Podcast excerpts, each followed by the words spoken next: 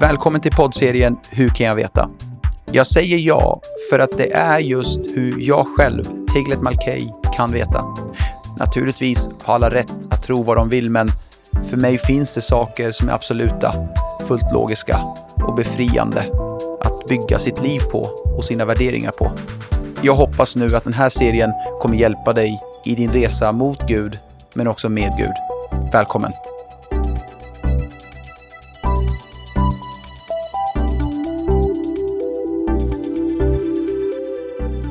Jag veta att Bibeln är trovärdig?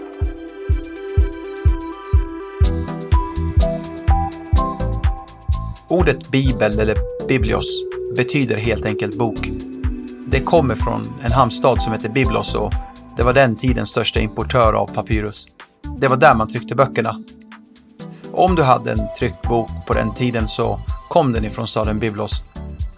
Men skillnaden då på den här boken och alla andra böcker, det var att den här kallades för The Holy Bible. Den heliga Bibeln. Bibeln har 66 böcker, 39 i Gamla Testamentet och 27 i Nya Testamentet. Vi har 929 kapitel i Gamla och 260 i Nya. Totalt är det 1189 kapitel vilket ger oss ett snitt på 18 kapitel per bok. Det här innebär att om du skulle läsa 3 till 4 kapitel om dagen, då skulle du läsa hela Bibeln på ett år. Vi har cirka 40 skribenter i Bibeln. Jag säger cirka för att vissa böcker är man inte helt säker på. Cirka 40 skribenter, men hör, en författare och han heter Gud. Den helige Ande ledde heliga män att skriva. Men det finns en författare och det är Gud. Och han har skrivit sin självbiografi och vi har en kopia av den. Bibeln är Kristus i tryck. Jag vill nu ge dig tre punkter på hur jag vet att Bibeln är trovärdig. Du kommer säkert skratta till rubriken på min första punkt, men jag vill säga det till dig. Det kommer låta lite löjligt, men det här är ett sätt jag vet som troende på Jesus. Att Bibeln är trovärdig och sann.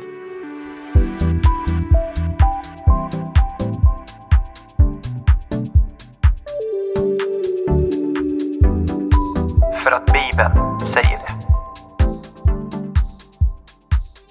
Det här kanske inte hjälper den som inte tror, men för oss som tror så är det bra att veta att skriften validerar sig själv. Under Jesu liv på jorden så citerade han nu tre fjärdedelar av de böckerna som finns i Gamla Testamentet. Han sa alltid som skriften säger, eller det är så skrivet. När Jesus frestades av Satan i öknen citerade han tre gånger ur femte Mosebok. Han sa, det är så skrivet alla gånger. Det var så han besegrade fienden. Jesus själv ger alltså skriften autentitet och trovärdighet. Han trodde själv på berättelserna i Gamla Testamentet. Andra Timoteus kapitel 3 säger att hela skriften är utandad av Gud och nyttig till undervisning, bestraffning, upprättelse och till fostran i rättfärdighet. För att Guds människan ska bli fullt färdig, välrustad för varje god gärning. Utandad är två grekiska ord. Theo, nustos. Theo är Gud, nustos betyder anda.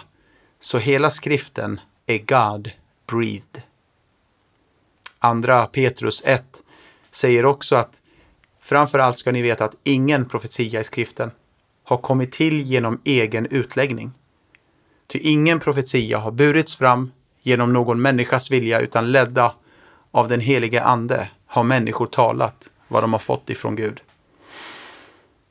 Gud talade och män skrev vad de blev inspirerade att skriva. Och det var det Gud ville ha nedtecknat. Snälla förstå hur viktigt det är att saker faktiskt skrivs ner. När man ska köpa något till exempel vill man ofta ha ett kontrakt på det. Är det stora och viktiga köp, då vill man att papper ska skrivas. Det räcker inte med verbala överenskommelser. Avtal legitimeras när kontrakt finns upprättad. När man till exempel köper en bil, då säger man sen när man har skakat hand, ska vi få lite papper på det här nu? För att när det finns nedtecknat, då binder det köpare och säljare till varandra. Det är viktigt att ha ett avtal när man skaffar jobb till exempel. För det binder arbetsgivare till dig. Det binder er till ett kontrakt. Jag hörde om en universitetselev. Han gjorde en hel uppsats om att det inte var viktigt med källförteckningar. I sin uppsats skrev han istället så som det är sagt till mig eller så som det är vanligt bland detta folket. Han gjorde alltså inga refereringar, han pekade inte på skrivna källor. Hans professor som granskade uppsatsen sa du kan inte göra så här. Du måste kunna peka på skrivna källor, inte bara verbala ord. Du kan inte bara skriva så som det är sagt eller vart står det? Den här studenten sa, men varför? Varför måste saker vara skrivna för att det ska vara trovärdiga? Varför räcker det inte med att det är bara verbala ord? Professorn sa okej. Okay. Fortsätt med din argumentation. Killen gav fler anledningar och ett par veckor gick och kursen avslutades. Då sa hans professor Jag vill att du ska veta att jag kommer ge dig godkänt. Du kommer få ta examen. Men det är bara det att jag kommer inte ge dig det i skrift. Du får bara lita på mina ord. Då sa studenten, men det räcker ju inte. Nej, precis. Det räcker inte. För man vill ha det nedskrivet. Ett sätt. Jag vet att Bibeln är sann. Det är för att Bibeln själv säger det.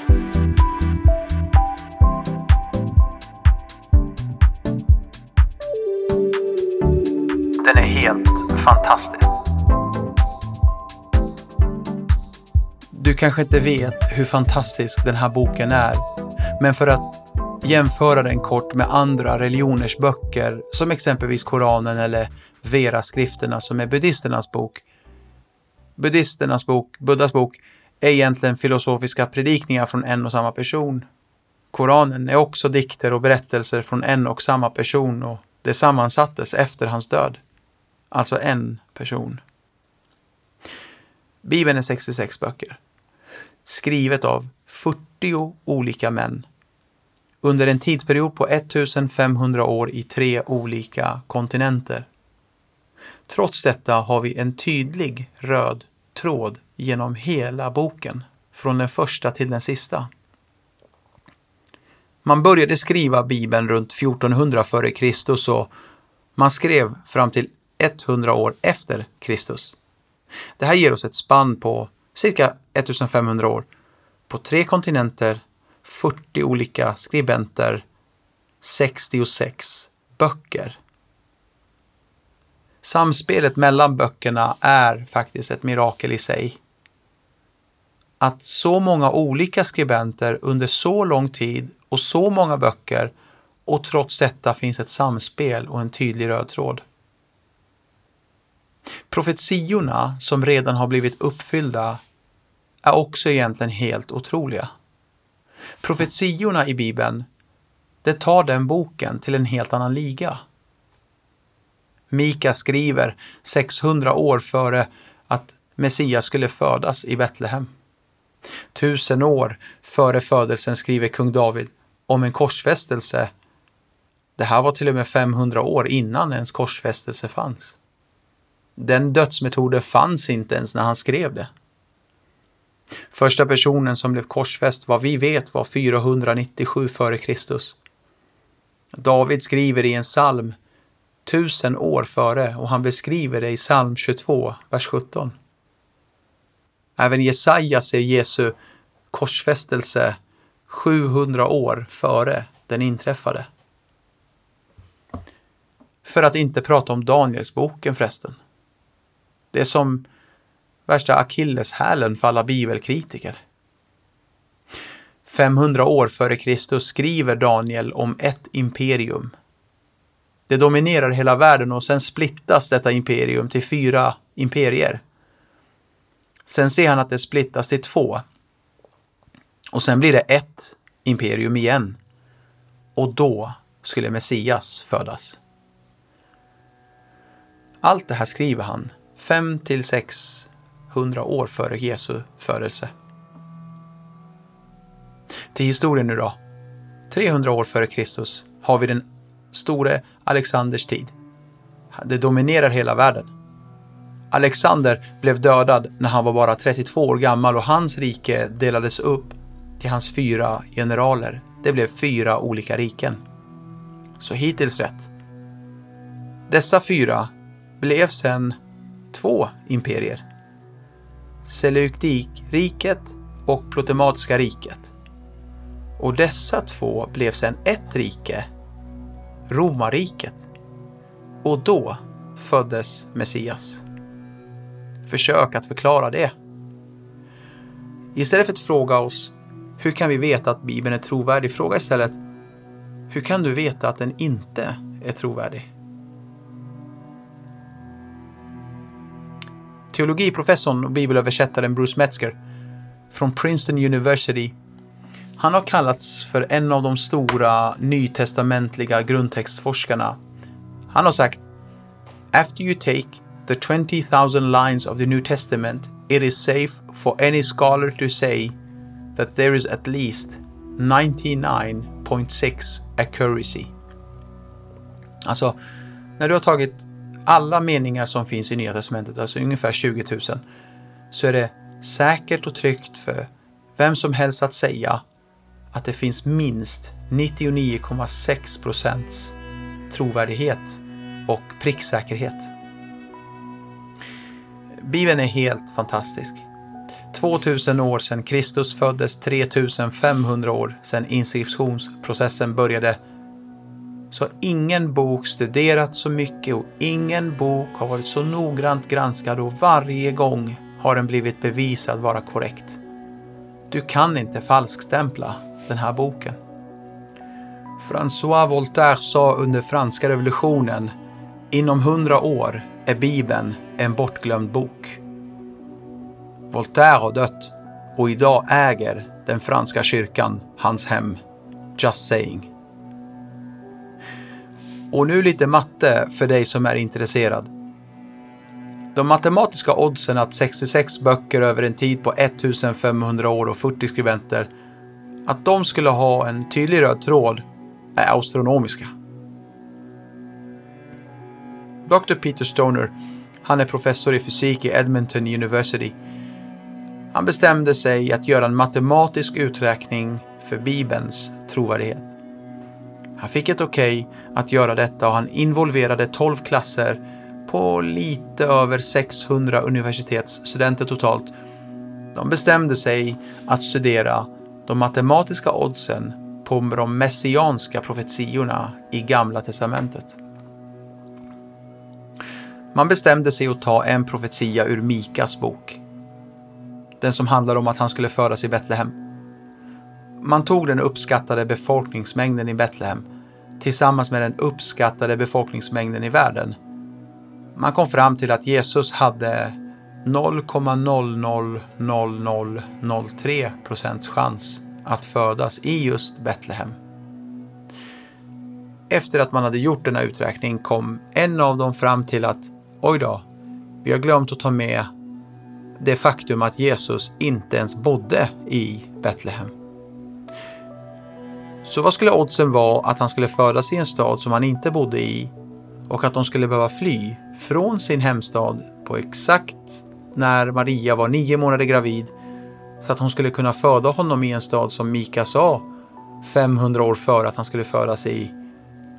Ja, du förstår ju. Oddsen visade sig vara väldigt, väldigt små. De bestämde sig en dag att ta några profetior. Vi har 54 direkta profetior om Messias och vi har 300 referenser till Messias. De sa vi kommer inte kunna räkna ut oddsen på alla dessa, men vi tar i alla fall åtta. De kom fram till att det här kommer vi kanske hinna göra. För dessa oss åtta finns också dessutom garanterat bekräftade i andra historiska dokument. Det finns idag saker som är bekräftade i andra historiska dokument som då bekräftar att Bibeln är trovärdig. De ville inte bara ha med Bibeln i forskningen, utan de ville verkligen pröva Bibelns trovärdighet. Att Jesus föddes i Betlehem var en profetia de tog till exempel. Den har bekräftats i romerska skrifter till exempel. Att han dog och uppstod finns bekräftat i andra skrifter. De tog åtta stycken som historien säger har skett. Vad skulle oddsen vara att en och samma person skulle uppfylla åtta profetior? De gjorde sina matematiska uträkningar och överlät sin forskning till The American Scientific Affiliation. Och det här var deras slutsats. These calculations are dependable and accurate in regard of science.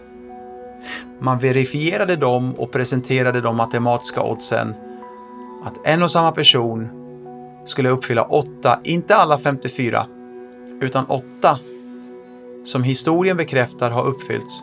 Det visade sig vara en chans på 1 på 10 upphöjt till 17.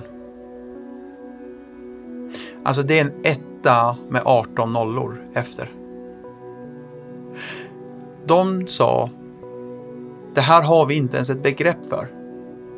De bestämde sig därför att ta ett exempel så att vanligt folk skulle förstå hur liten chans det är. En på tio, det skulle vara om du tog tio sedlar, du märker en av dem med ett rött kryss, du lägger alla sedlarna i en hatt och så ber du någon med ögonbindel att liksom på en chans plocka upp den sedel som har krysset på. Det är en chans på tio. Alla förstår det. Men vad är det då att ta en på 10 upphöjt till 17? Och här kommer deras illustration. Så här mycket är det.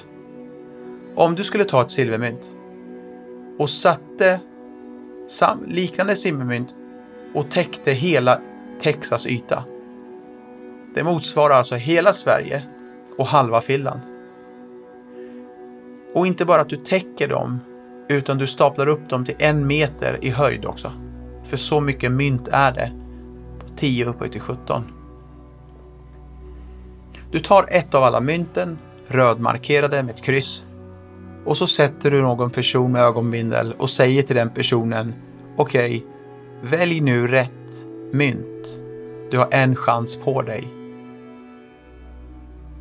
Ja. Och hör det här. Jesus uppfyllde inte bara åtta. Jesus uppfyllde alla 54 profetior.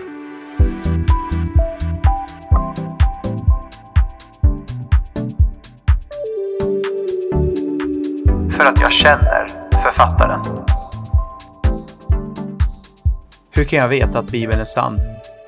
Jo, för att jag känner författaren. At the end of the day, efter all argumentation, logik, utmanar Gud oss att ta ett steg i tro. Inte ett kliv i tro, utan bara ett steg. Hela Bibeln pekar mot en person och personen heter Jesus Kristus. Jesus sa i Johannes 5.39, ni forskar i skrifterna. Det var så Jesus kallade Bibeln. Därför att ni tror att det finns evigt liv i dem. Och det är dessa som vittnar om mig. Med andra ord, Jesus säger att Bibeln pekar på honom. Johannes 1.1 säger att begynnelsen var ordet och ordet var hos Gud och ordet var Gud.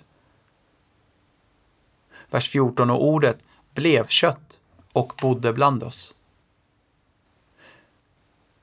Så hur vet jag att Bibeln är sann? Jo, för att ordet blev kött och levde här på vår jord. Om Jesus hade varit en bluffmakare så hade han kunnat bara ändra ett enda ord och vi hade kunnat falskstämpla honom. Han hade kunnat säga Jag kommer uppstå från de döda andligen. Tvivlarna hade då kunnat säga men hans kropp är ju kvar i graven och kyrkans svar hade varit ja, men han sa ju andligen. Men Jesus sa inte det. Han sa att han skulle uppstå kroppsligen. Över 500 personer blev vittnen till detta. Till och med andra historiska dokument bekräftar att Jesus Kristus uppstod. Det finns alla möjliga bortförklaringar. Ja, men han var inte död. Jo, de romerska soldaterna försäkrade om att han var död genom att sätta ett spjut i hans sida och blod och vatten sprutade. Vår Herre dog verkligen och vår Herre uppstod verkligen. Han övervann döden och reste sig ifrån graven. Jag vill avsluta med att ställa några frågor till dig som tvivlar.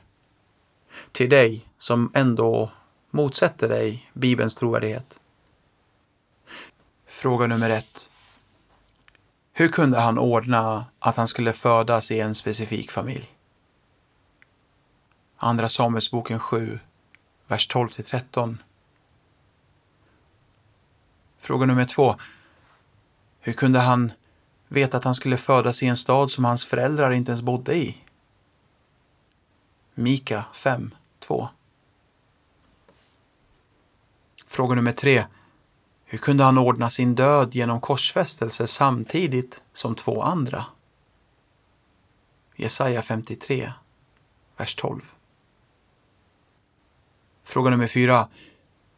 Hur kunde han fixa att avrättarna skulle kasta lott om hans kläder? Psalm 22, 18. Fråga nummer 5. Hur kunde han se till att bli förrådd och att han skulle bli korsfäst på exakt samma dag som judarna offrar ett felfritt lamm för deras synder? Sakarja 11, vers 12 och Johannes 18, 39. Fråga nummer 6. Hur kunde han arrangera att avrättarna skulle bryta benen på skurkarna bredvid honom men inte på honom? Psalm 34.20 en profetia som kom tusen år före och Johannes 19.32. Fråga nummer sju. Hur kunde han ordna att komma tillbaka till livet på exakt den dag han sa att han skulle uppstå? Matteus 16, 21.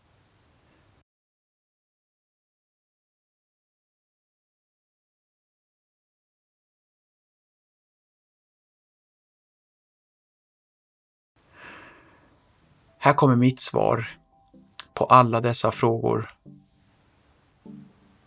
För att han är Gud. 66 böcker, 1500 år, 40 skribenter. Och allt stämmer med historia. Det är i harmoni med sanning. Och det sammanlöper till en person. Och den personen är Jeshua Yamashiach. Han dog på korset för att han älskar dig och han vill rädda dig och tvätta dig ren. Han älskar dig och drar dig till sig.